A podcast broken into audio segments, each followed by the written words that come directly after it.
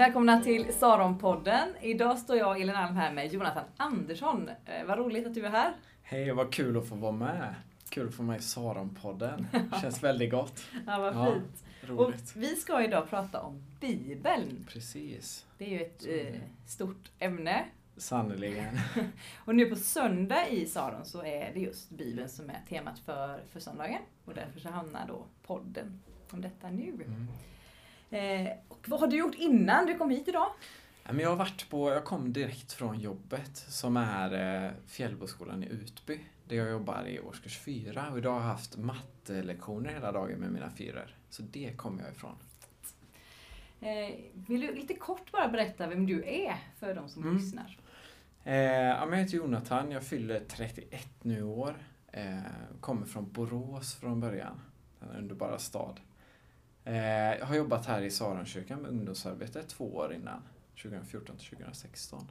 Eh, gift med Elin och eh, har min lilla dotter Nike hemma som är drygt ett halvår nu då. Som jag spenderar mycket tid med. Det är gott. Och du har läst en del teologi. Precis. Mm. Så är det. Jag närmar mig min kandidatexamen här i teologi nu då. Men jag är på väg. Jag gör min resa, så att säga. Och det är spännande. Det är ju det som är så kul med att läsa teologi på något sätt. Att få liksom brottas med texten och med Gud och med sig själv. Och, ja, livet helt enkelt. Och du skri- skriver du uppsats nu eller är det på gång? Eller hur? Jag har, har skrivit B-uppsats precis nu då.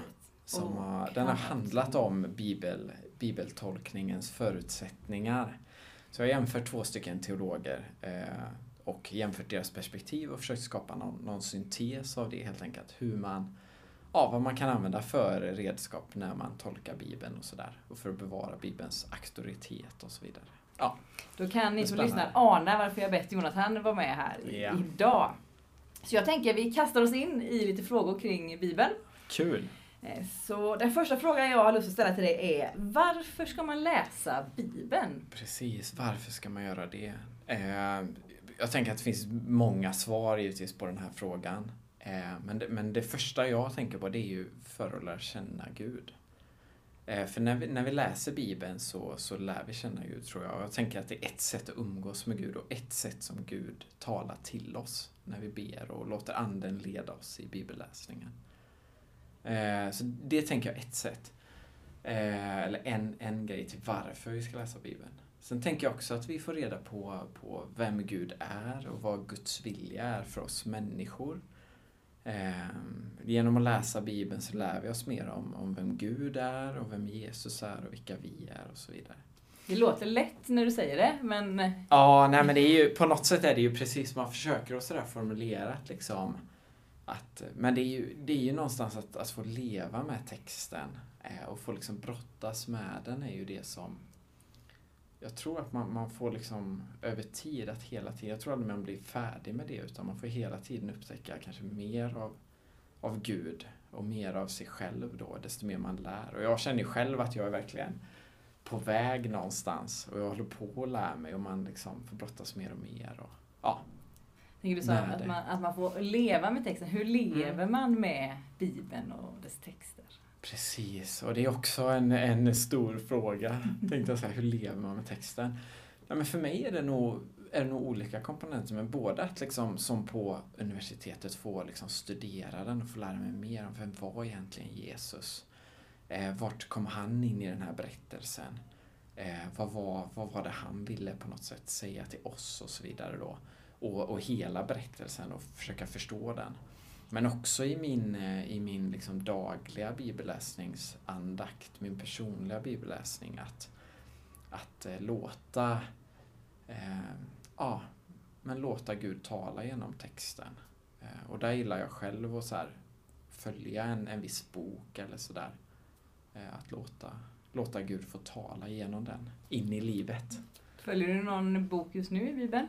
Ja, nu är det faktiskt nu är det Johannesevangeliet. Sen, så har jag, sen läser jag en kurs nu eh, i Gamla Testamentet också. Då, eller där vill jag fördjupa mig mer, eh, vilket jag tycker är spännande. Eh, men annars så just nu så är det Johannesevangeliet och Galaterbrevet. Det är de två lite som jag, som jag rör mig i. Mm. Så, eh, ja, så är det. Tack. Ja, men det var varför man ska läsa Bibeln. Har du något mer som du vill kasta in där innan jag tar ett annat spår? Eh, det, det, det, det, det. Jo, men jag tänker också att, att just där man, vi, vi får reda på vår historia på något sätt. Och det kan ju också låta lätt, men att så här, man får läsa, får, får på något sätt eh, historien, att var, vart hör vi hemma i den här större berättelsen som jag tänker Bibeln är. Det är ju en, en liksom samling med böcker med många, eller, med många olika böcker med olika genrer och så. Men samtidigt tänker jag att det verkligen är en, en lång sammanhängande berättelse. Och det på något sätt då, mer och mer förstår den gör att mer och mer förstår men vad, vart hör vi hemma i liksom den här berättelsen eller i kyrkans del som jag tänker att vi befinner oss i sen då. Ja, ja Mm. typ så. Typ så. Ja, men då kastar jag helt enkelt in en till fråga här, så ser jag vad du hittar för, för svar på den som är dina. Eh, Och då Just tänker det. jag på, hur eh, kan man läsa Bibeln? Just det. Och det var ju precis, det var ju lite det vi var inne på. Mm.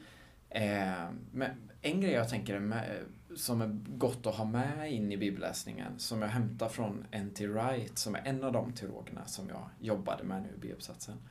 Han tänker sig Bibeln som just en lång sammanhängande berättelse.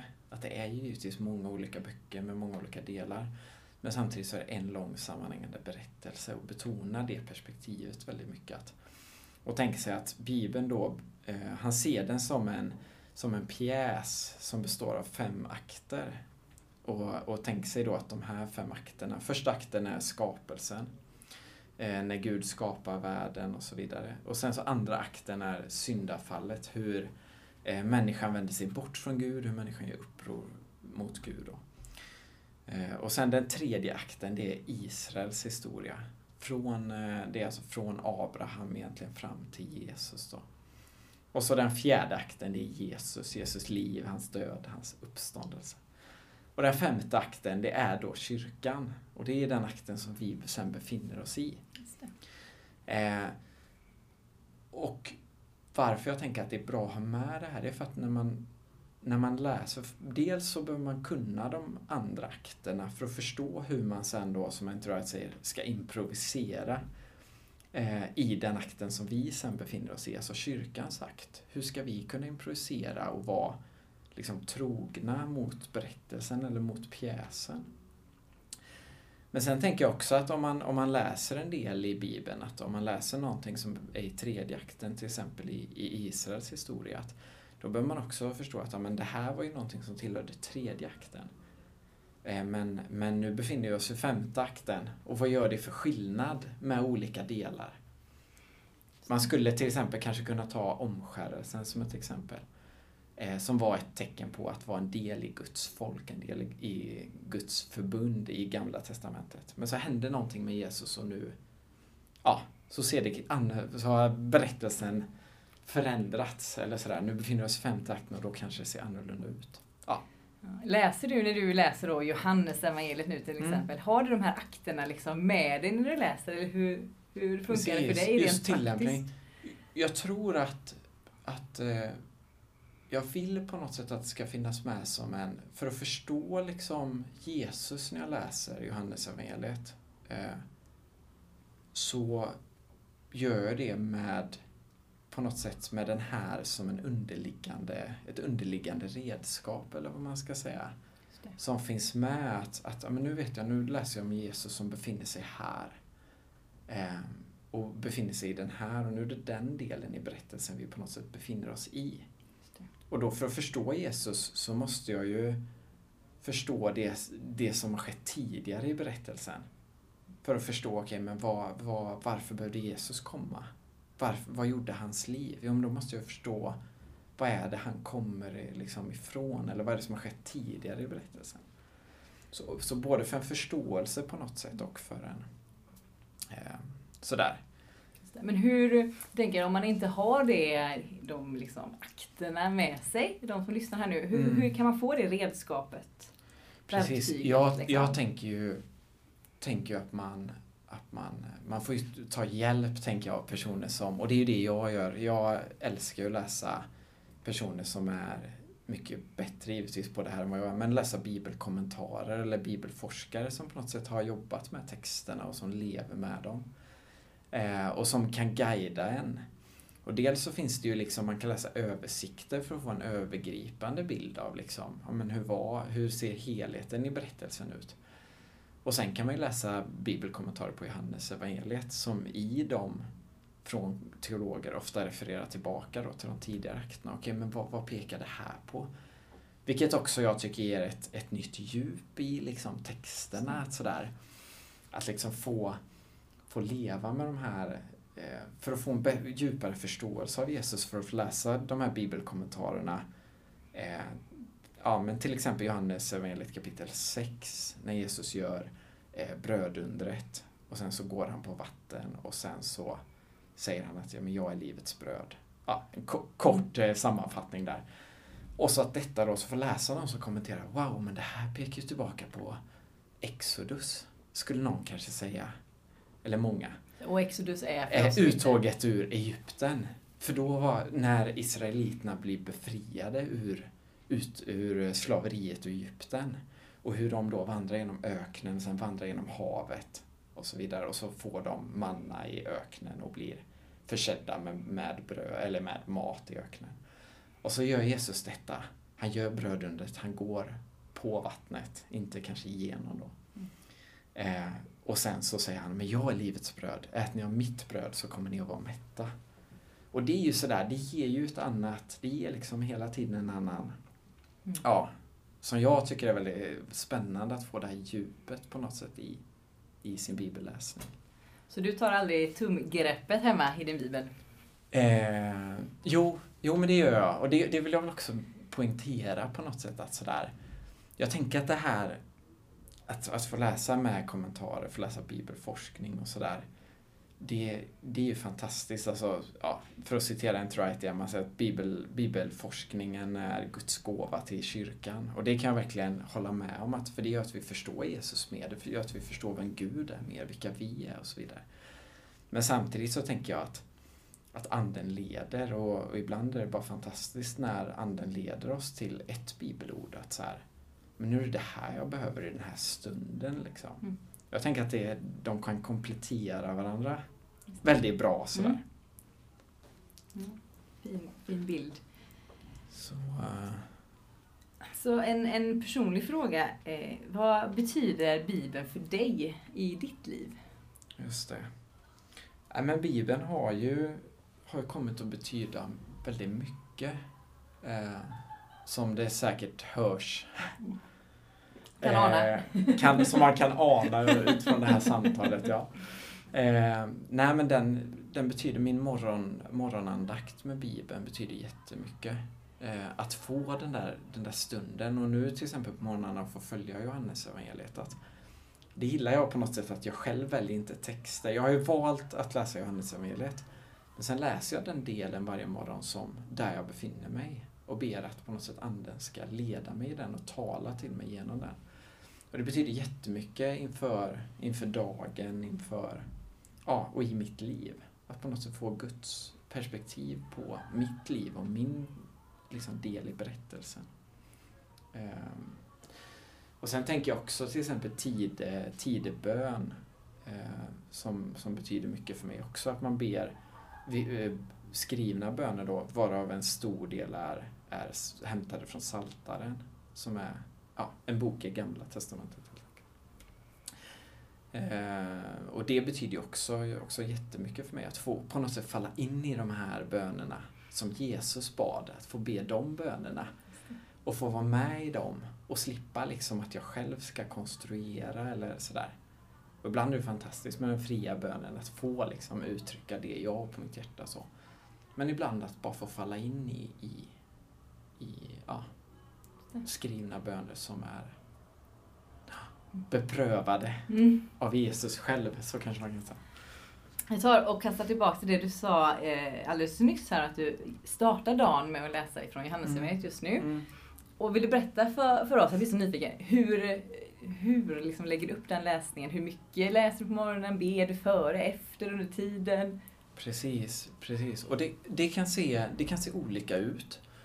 Eh, vissa månader jag har så här, må måndag, tisdag, onsdag, okay, okay, för att vara sån, så uh, jobbar jag på skolan. Då går jag upp tidigt och då brukar jag ha, ha en liten kortare stund med, själv med mitt Johannes evangelium. Eh, och då brukar jag då be att Gud, att anden ska, eller att Gud ska tala genom anden innan jag läser. Sen brukar jag läsa det en gång. Eh, min förhoppning är att läsa det många gånger, för jag tror att det, det är gott att få läsa det några gånger, den, den här avgränsade delen då. Eh, och så få på något sätt lyssna till texten och sen efter det så brukar jag ha en liten stund och jag ber också. Det är, det är så de här skoldagarna brukar se ut. Följer du då med avgränsningar, eller jag tänkte textindelningar som finns i Bibeln? Eller har du ja, men ofta gör jag det. Ofta mm. gör jag det. De här upp, upp, uh, avdelningarna som finns, ja. Mm. Precis. Och de, uh, ja, mm. ofta gör det. Sen, sen uh, torsdag, fredag så, så har ofta jag och min fru Elin då andakt tillsammans kanske på morgnarna. Eh, och då, då är det också spännande att få samtala lite om den och få brottas lite där då. Att säga, jo men vad, vad, vad kan det här betyda? Och så kanske jag då som vill gärna slå upp någon kommentar, kanske kan jag det senare under dagen. Eller sådär. Men att också få liksom brottas lite tillsammans och sen få, få be tillsammans med texten på något sätt. Mm. Ja. Tack för att du delade det. Nu, nu, nu är vi ganska praktiska här, men innan yes. vi avrundar eh, ja. podden för idag, mm. tänker jag, har du några riktigt praktiska tips som du kan dela med dig av kring bibelläsning? Precis. Jag har inte varit inne så mycket på, på att läsa Bibeln tillsammans. Eh, för vi har, till exempel så har jag en, en bibelstudiegrupp med några kompisar och träffas varannan tisdag och läser tillsammans. Mm. Eh, och det tänker jag också är det här det goda sättet, att man får brottas med texterna tillsammans. Så har man inte det och vill ha det så tänker jag att man ska försöka hitta några som, som man kan brottas med texterna ihop. För det tänker jag blir en till dimension än bara det här att man sitter på sin kammare. Eh, men sen tänker jag också att man kan börja någonstans med någon bibelkommentar om man vill fördjupa sig i det. Och då har jag till exempel då N.T. Wright som har varit uppe i pipen här i podden. eh, han har skrivit några lite mer populärvetenskapliga kommentarer som heter For Everyone på engelska och då finns evangelierna i alla fall vet jag översatta till svenska. Okay. Och då finns till exempel Johannes evangeliet för alla som är där han kommenterar alla delar men skriver ja, fantastiskt eh, fångande. Mm. Sådär. Eh, och, men då, då heter han Tom Wright, skriver han under när han skriver om populärvetenskapliga Det är bra att veta. Men där, till exempel med en sån kan man börja. Sen finns det också lite mer så översikt, om man vill ha en översikt över hela, hela Bibeln. Men att börja med en sån Johannesevangeliet, för då, då, kan man få smaka lite på vad, vad den här typen av kommentarer, liksom, vad det handlar om, om man inte har varit i det liksom, sättet att läsa eller sådär. Närmat sig den forskningen. så. Ja, det är bra tips.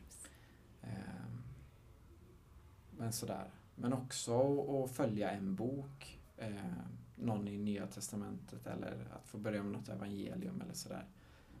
Eh, det tänker jag också att så här, att få följa och få se helheten i liksom. För det är lätt annars att man får kanske vissa delar eller sådär. Som, eh, ja, men som i Saron till vi följer kyrkåret på söndagen, då får man vissa delar ut ur evangelierna till exempel. och sådär. Eh, men då om man själv så kan man läsa en bok för att få liksom, ja, helheten på något sätt. Mm.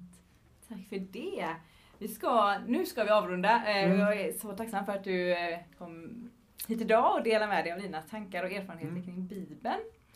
Du kan få en sista chans om det är något mer du vill liksom hinna med här innan vi lägger på, lägger på jingeln. Nej, jag vet inte. Jingeln låter som en trevlig avslutning. Ja, Men jag vill säga tack för att jag har fått vara med. Kul att vara här.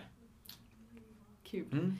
Och eh, välkomna att fira gudstjänst i Saron klockan 11. Yes. Söndag. Eh, och då kommer Elin eh, predika om Bibeln. Ja, det ser vi fram emot om något här på söndag. Och ett annat praktiskt tips är ju såklart att använda Saron-appen för att få lite korta bibelord in i vardagen där du befinner dig. Yes ta vara på den. Ha det gott så möts vi snart får vi hoppas. Yes. Tack. Saronpodden produceras av Saronkyrkan i Göteborg.